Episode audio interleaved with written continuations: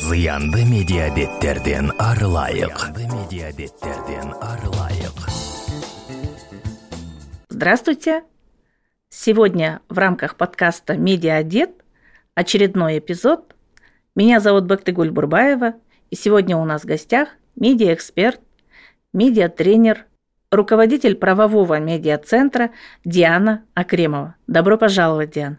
Здравствуйте, Бахтыгуль, спасибо большое за приглашение и э, рада э, новым слушателям, зрителям вы знаете, наш проект э, «Меняем вредные медиапривычки», он как раз посвящен тому, чтобы как можно большему, э, большей аудитории наших казахстанцев рассказать о том, вообще, что такое медиаграмотность, заинтересовать их. И, конечно же, мы за одну программу не успеем рассказать о всех тонкостях или всех вопросах, но что-то очень важное, которое вы лично хотели бы посоветовать по медиаграмотности, по медиаэтике к нашим слушателям, вы можете сегодня рассказывать. Вопросы, э, конечно же, будут, но тем не менее менее, ваше мнение тоже будет очень-очень интересно. Добровольное волеизъявление. Диана, скажите, пожалуйста, почему сегодня вдруг весь мир заговорил о медиаграмотности? Вот ваше мнение. Ну, я думаю, что это очень а, логическое, скажем, а, продолжение той проблемы, которая возникла. То есть чем больше появляется информации, чем больше появляется различных источников и вот этого а, информационного мусора, тем, а, соответственно, наверное, люди задумываются о том, насколько в этом а, мире мусора и настоящей информации ориентироваться. Ну и плюс, а, наверное, все понимают, что какая-то ложная информация, фейки могут очень негативно влиять на людей, побуждать их каким-то неправильным действиям, неправомерным действиям, что вообще будет проводить да, там, к дестабилизации обстановки, может привести к каким-то, не знаю, не дай бог, войнам и так далее. Поэтому пропаганда пропаганда, как давно известно, это очень сильное оружие. И коль скоро оно действовало еще там 60 лет назад, да, когда не было интернета, то вот сейчас, когда, особенно после пандемии, когда мы поняли, что онлайн стал нашим вторым, онлайн-мир стал нашим вторым «я», мне кажется, сейчас особый упор нужно делать на медиаграмотность, чтобы людей, во-первых, защитить, а, чтобы их, а, скажем, ну, направлять, не то что направлять, но как-то мотивировать, во-первых, и думать правильно, и развиваться, и выбирать, соответственно, источники информации правильные. Абсолютно точно. И в связи с этим вопрос, а вы откуда берете информацию? Где вы читаете новости, например, Диана? Ну, я стараюсь использовать, конечно, официальные источники, наши новостные сайты казахстанские, плюс э, какие-то международные а, средства массовой информации. Плюс, конечно, сейчас нельзя отрицать э, там телеграм-каналы, инстаграм-каналы. Там, наверное, больше независимых э, мнений, но, э, к сожалению, мне кажется, что в телеграме очень много повторений информации. То есть я подписана на несколько каналов, и вот, например, если одна новость появляется в одном канале, то абсолютно во всех происходит вот это дублирование новостей. Ну, то есть я убеждена, что люди должны использовать как можно больше источников информации для того, чтобы у них э, об одном и том же событии сложилось максимально э, какое-то объективное и правильное мнение. И, может быть, лично от вас еще какой-то совет, как воспринимать информацию сегодня? Можно ли идти на поводу первой встречной информации? И вообще, эм, есть ли в вашей практике примеры, когда люди стали жертвами э, манипуляций либо мошенничества именно в информационной среде? Ну, я сама когда-то стала а, жертвой, ну, вернее, не жертвой, наверное, а виновницей в том числе, когда я работала в газете а, главным редактором, и мы опубликовали информацию о том, что в одной из школ города там, значит, учитель накинулся на ребенка и его избил. А, и сделали это в порыве эмоций, ну, это было очень давно, 15 лет назад. Сделали это, скажем, в каких из, из лучших чувств, да, но, но в порыве эмоций. Потом выяснилось, что где взял эту информацию журналист на каком-то неизвестном ресурсе, и оказалось, что это вообще не казахстанский ресурс. И вот эта история, она была мне таким хорошим молотком по голове. Я поняла, что никогда нельзя а, информацией делиться, не проверив. Это, знаете, есть такая фраза, если мама говорит, что любит тебя, проверь это как минимум из двух источников. Поэтому ну, обязательно, особенно если информация чувствительная, если она касается детей, а, убийств, насилия, то есть это те темы, которые у людей всегда в первую очередь вызывают эмоции. Только потом включается мозг, который задает вопросы. А правда ли это? А стоит ли этому верить? А где это случилось? Когда это случилось и так далее? Поэтому эмоции отключать. То есть, если мы встречаем информацию, которая вызывает бурные эмоции, прежде всего мы должны остановиться, подумать, угу. проверить, и только после этого, может быть, а лучше всего не расширивать информацию, которая вызывает эмоции.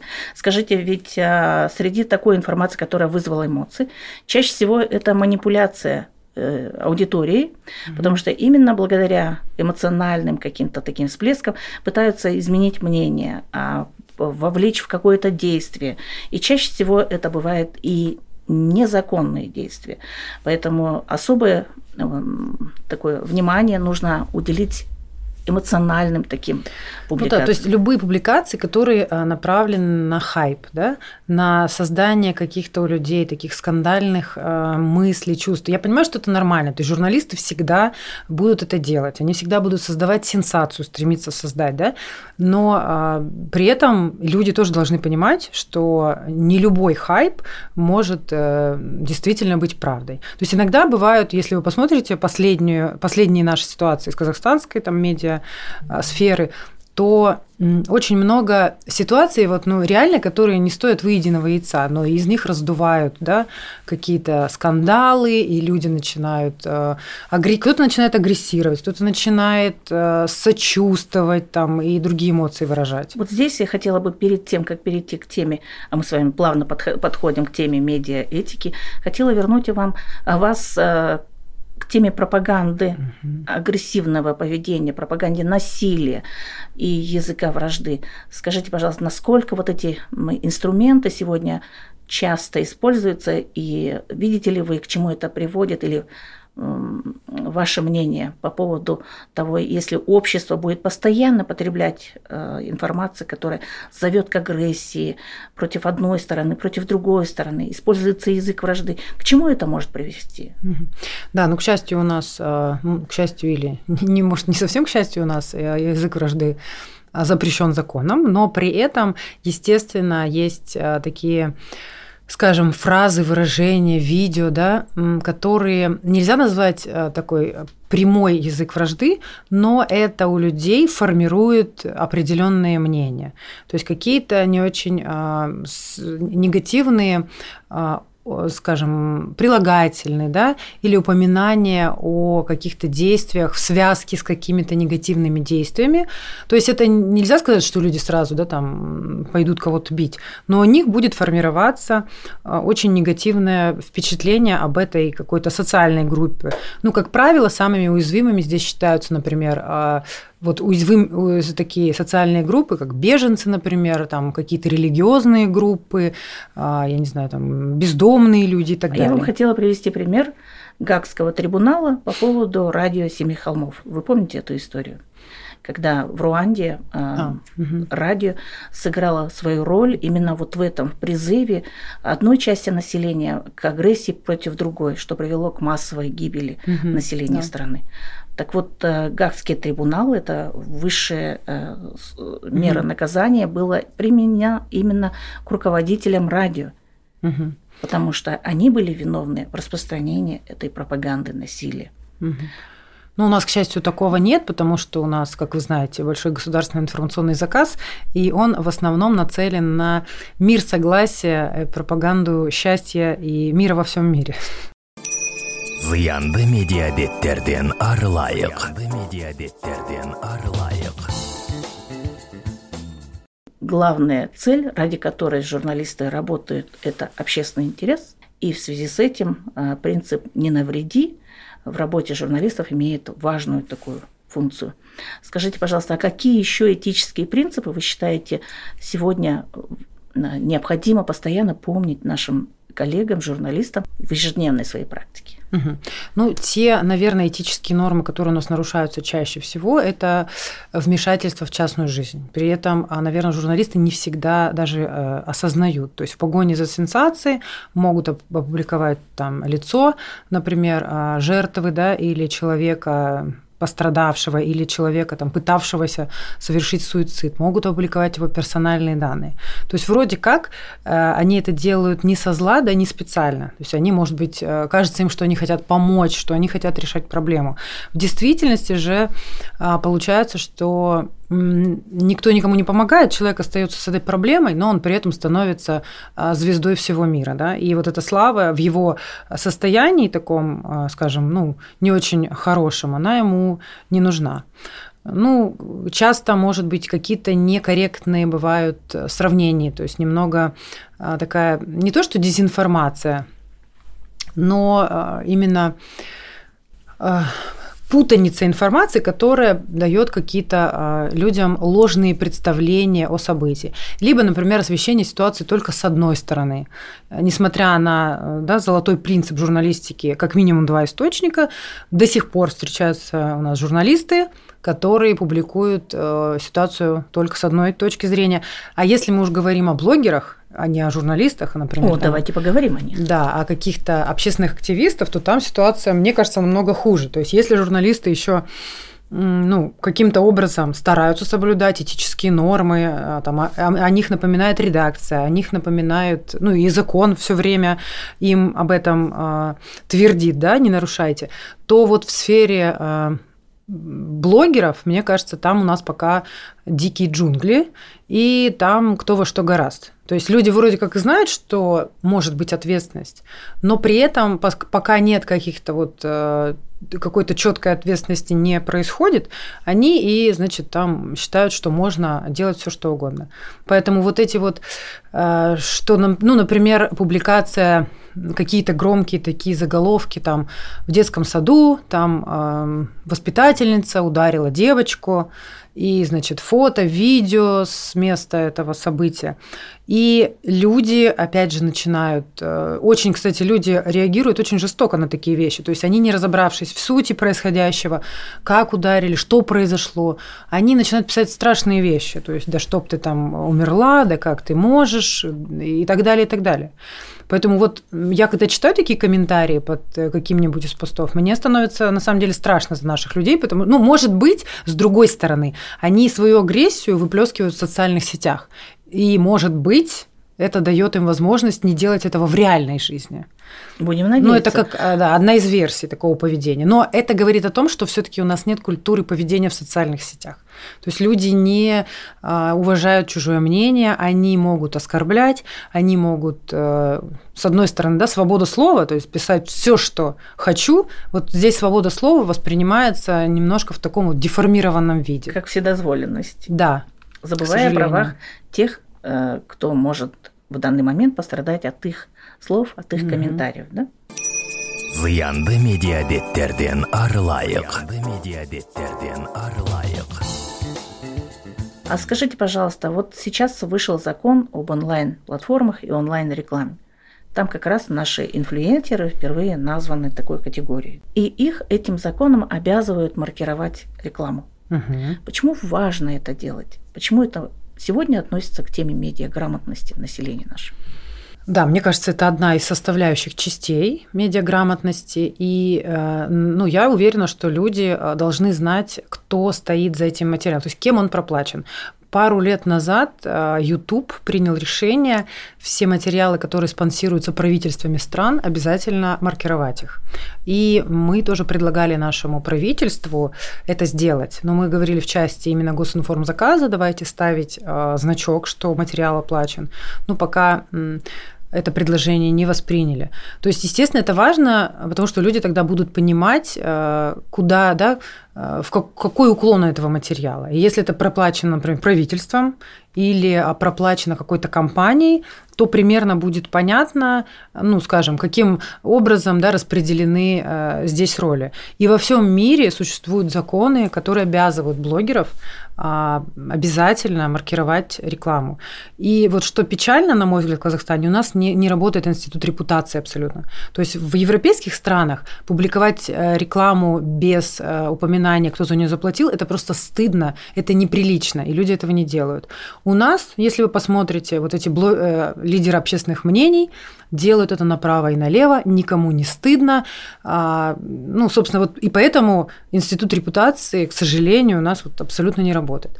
Поэтому мне кажется, что здесь помимо законов, нужно еще а, развивать вот это понимание именно ну, твоей, твоей значимости, твоей репутации в медиасфере. Потому что проблема репутации – это проблема, а, мне кажется, всей страны. Потому что у нас, если вы посмотрите программные документы Казахстана, там все работают на имидж, повышение имиджа, имиджа, имиджа. Мы говорим о том, что не надо имидж улучшать, надо репутацию развивать. Потому что имидж и репутация немного все-таки разные вещи, и все-таки репутация более серьезное понятие, более долгосрочное и то, которое у людей формирует доверие. А имидж – это такой просто впечатление и образ. Ну вот, к сожалению, пока не получается ситуацию изменить. Полностью с вами согласна, Диана. Спасибо, что вы так подробно рассказали о влиянии э, немаркированной рекламы на нашу жизнь. А можете дать несколько коротких советов, Диана, для наших слушателей по медиаграмотности? Что вот вы считаете важным сегодня э, при медиапотреблении? Какие привычки у нас могут быть полезными? Ну, если мы говорим про э, обычных людей, то не поддаваться, естественно, сразу каким-то э, очень сильным эмоциям. Потому что я даже наблюдаю это по своему а, чату КСК, когда люди начинают фейки пересылать, и я их спрашиваю, а зачем вы это делаете, это же фейк. И они говорят, ой, да, не посмотрела, ну так хотелось поделиться с вами. То есть вот это желание, знаете, какого-то постоянного общения, может быть, какое-то псевдожелание кому-то помочь, предостеречь, оно с нами играет на самом деле злые шутки. И мы вроде как хотим о чем-то предупредить, кому-то помочь, по факту просто распространяем фейки. Поэтому, естественно, первое правило – это проверять источник. То есть э, удостовериться в том, что этот источник существует, что вы ему доверяете. Если это, например, там канал на Ютубе, то у него должны быть подписчики, у него должны быть публикации. Это не должен быть канал с одной публикацией. Да? Ну и, соответственно, если это какой-то сайт, то это тоже а, должен быть сайт с историей. Проверять всегда там а, дату публикации, потому что очень часто люди просто не смотрят на дату, оказывается, это новость какой-то пятилетней давности, э, и этого не происходило. Ну и, естественно, смотреть, от кого это приходит. И даже даже если вы во всем уверены, а, все равно смотрите на контекст. То есть обязательно, ну, просто не, скажем, доверять больше а, своему здравому смыслу, потому что даже у нас государственные органы делают а, ошибки в своих официальных заявлениях. То есть мы должны Случается. критически относиться к любой информации. Да, безусловно. То есть максимально проверять ее со всех сторон, и э, только после этого там, делать перепост или кому-то отправлять, если вы в ней уверены. Хорошо. А если человек создает сам пост, угу. на что он должен обратить внимание перед тем, как его э, публиковать? Ну, естественно, чтобы э, в нем не было каких-то таких перевираний фактов, чтобы в нем не было а, манипуляций. То есть иногда вроде как пол, полуправда, да, чтобы вот таких вещей не было. Полуправда, полуложь. Чтобы люди э, четко понимали, что это факты, да, это, если это вымысел, то это вымысел. А, ну, естественно, не допускать каких-то э, оскорбительных выражений в чей-то адрес, потому что это может грозить Э, ответственностью судебной и э, не допускать использования каких-то клише и стереотипов, которые у людей могут формировать э, тоже негативное представление. Ну, особенно это касается каких-нибудь, как правило, это этносы, это религиозные группы, это гендерные группы, то, к чему, собственно, мы привыкли. И эти, у нас эти стереотипы, они у нас с детства воспитывали, воспитывались в головах. Но вот сейчас, э, к сожалению, они иногда становятся причиной каких-то, ну, таких не очень хороших явлений.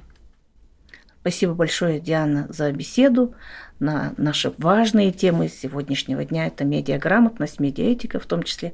Кстати, я еще раз хотела сказать, что Диана сегодня у нас не только как медиаэксперт и не только как руководитель правового медиацентра, она сегодня еще и заместитель председателя общественного комитета по саморегулированию медиа в Казахстане.